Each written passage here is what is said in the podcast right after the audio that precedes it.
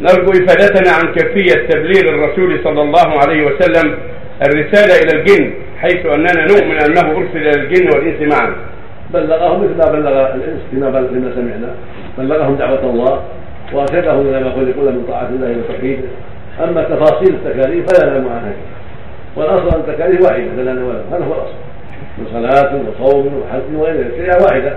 القرآن للجميع قد خطره الله الرحمن.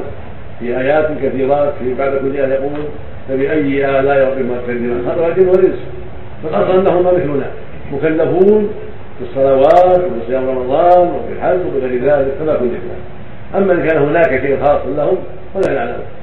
لا نعلم إلا ما بلغت به الانس وهو رسول الله إلى جميع الجن والانس أما كيف بلغهم؟ كيف خاطبهم هذا لم نبلغ به والاصل أنه خاطبهم بلغهم بما بلغنا. هذا